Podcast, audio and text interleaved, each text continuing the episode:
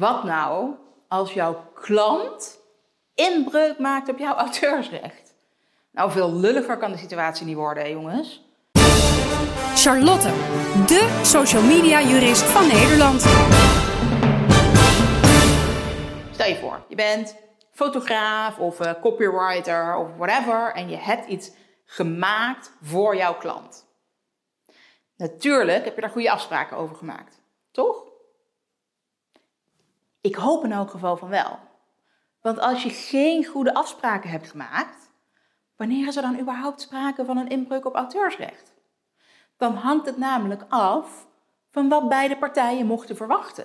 En jij als maker denkt misschien wel, ja, nee, luister, je kreeg gewoon een licentie voor eenmalig gebruik op je website. En dat is het. Dus als jij het nu op social media kopieert, dat hoort er absoluut niet bij. Of het gebruiken voor een advertentie in een vakblad mag ook absoluut niet. Het bewerken, stel dat het een video is, tot een korter clipje, zodat je het um, op, op, Instagram zou kunnen gebruiken, zodat het een filmpje van een minuut wordt. Nou ja, dan denkt jouw opdrachtgever van, luister, het is gewoon datzelfde filmpje, het is een samenvatting, moet kunnen. En jij denkt, ja, maar mijn werk is verminkt. Dit mag absoluut niet. Maar ja, als je geen duidelijke afspraken hebt gemaakt, wie heeft er dan gelijk? Het is tenslotte ook zo dat er makers zijn die denken: joh, weet je, ik heb het nou eenmaal gemaakt, prima, doe er lekker mee wat je wil. Absoluut geen zin om hier achteraan te zitten. Dus het is misschien niet per se gek dat je opdrachtgever denkt dat hij daar heel veel mee mag doen. Maak dus vooraf goede afspraken, zodat het altijd overduidelijk is wanneer er sprake is van een inbreuk. Dat is mijn absolute nummer één tip.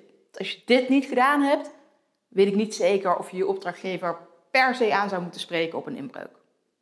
Goed, heb je die duidelijke afspraken en doet jouw opdrachtgever toch iets wat niet mag volgens die afspraken, dan kun je daar natuurlijk wel achteraan zitten. Nou, dan kan het zijn dat jij bijvoorbeeld in je algemene voorwaarden hebt opgeschreven dat ze dan drie keer de licentievergoeding moeten betalen.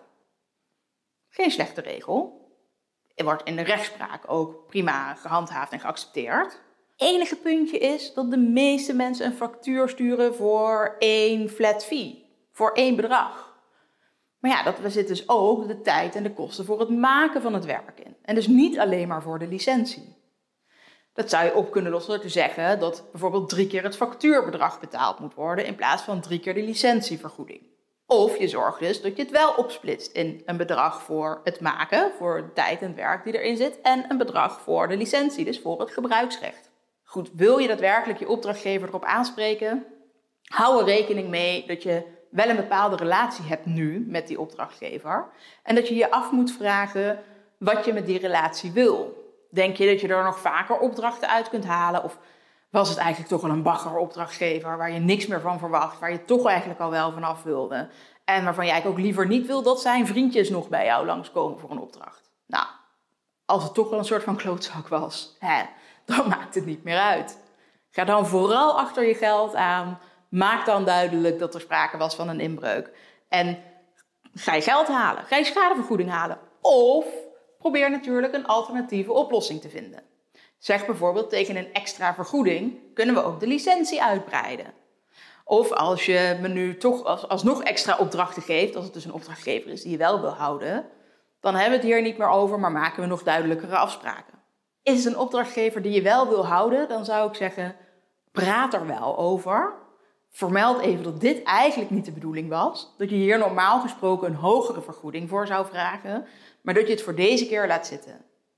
Probeer dan dus je afspraken wat te verduidelijken, want kennelijk ging er iets mis bij die opdrachtgever en wat die dacht dat hij mocht doen met jouw werk. En probeer er eventueel dus ook extra opdrachten uit te slepen of op een andere manier er in elk geval samen wel nog positief uit te komen, zodat je de relatie met je opdrachtgever goed houdt, maar je ook zorgt dat die opdrachtgever niet zomaar over jou heen loopt. Ik hoop dat je wat kunt met deze tips.